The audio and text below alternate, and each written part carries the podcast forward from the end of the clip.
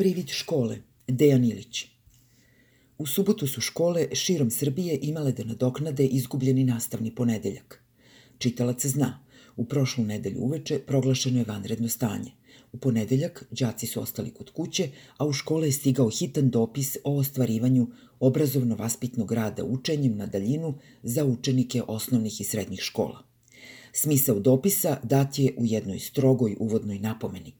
Privremeno obustavljanje neposredne nastave u školama ne znači i obustavljanje obrazovno-vaspitnog rada sa učenicima. Napomena je rečita. Izgleda kao da je neposredna nastava u školi tek jedan manji deo obrazovno-vaspitnog rada sa učenicima. Istina je da se učenici obrazuju i vaspitavaju izvan škole, ali to je onda posao koji mahom ne rade nastavnici. Međutim, napomena ipak navodi na krivi trag – ona umanjuje značaj škole i neposredne nastave, pod uslovom da hitni dopis shvatimo doslovno i ozbiljno.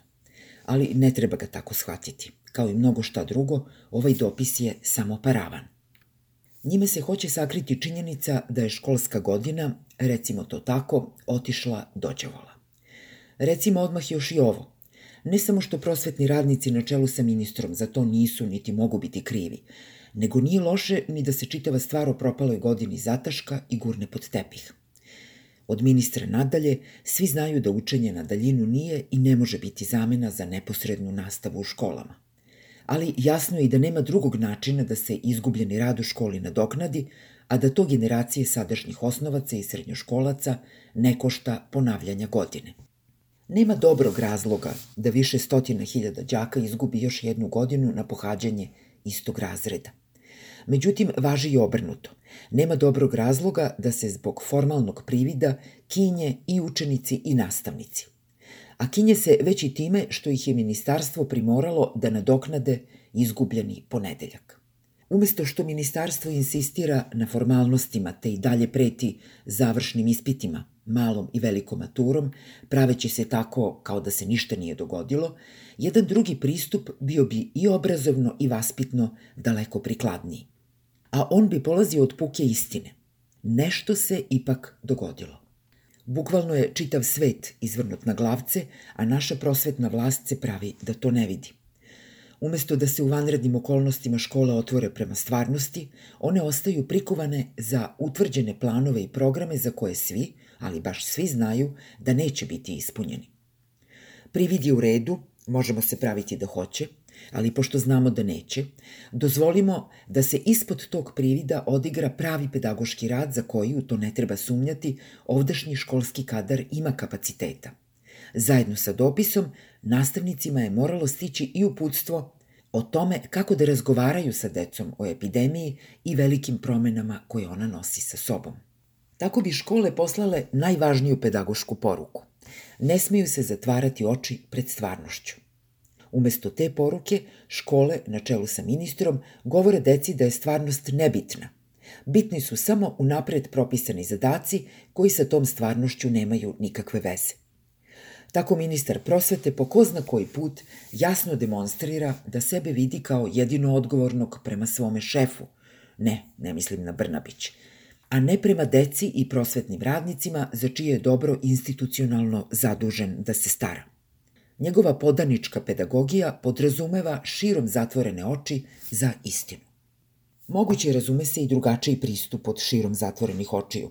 Takozvano učenje na daljinu nikako ne može zameniti neposrednu nastavu u školi i ni blizu ne može da dobaci do smislenog obrazovno-vaspitnog rada. To tako mora jasno da se kaže.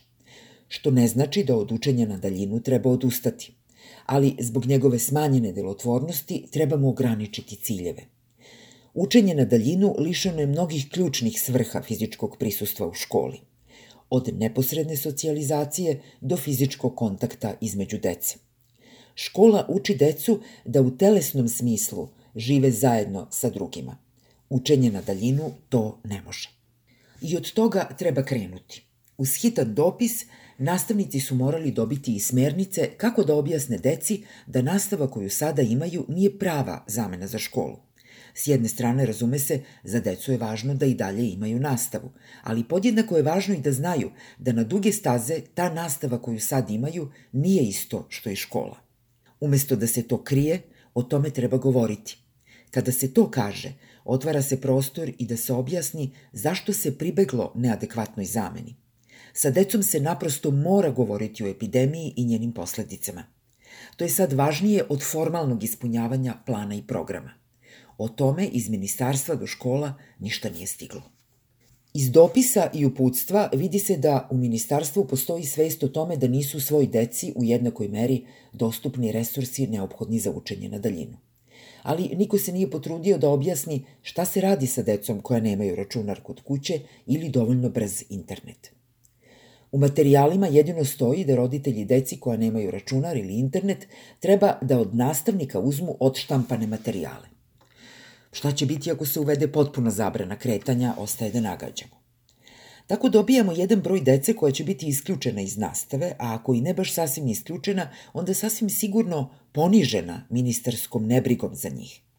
Ako se neko pita kako bi se mogla pokazati briga, odgovor je jednostavan – dati, pozajmiti toj deci računare i obezbediti im izlazak na internet. Tu nije kraj.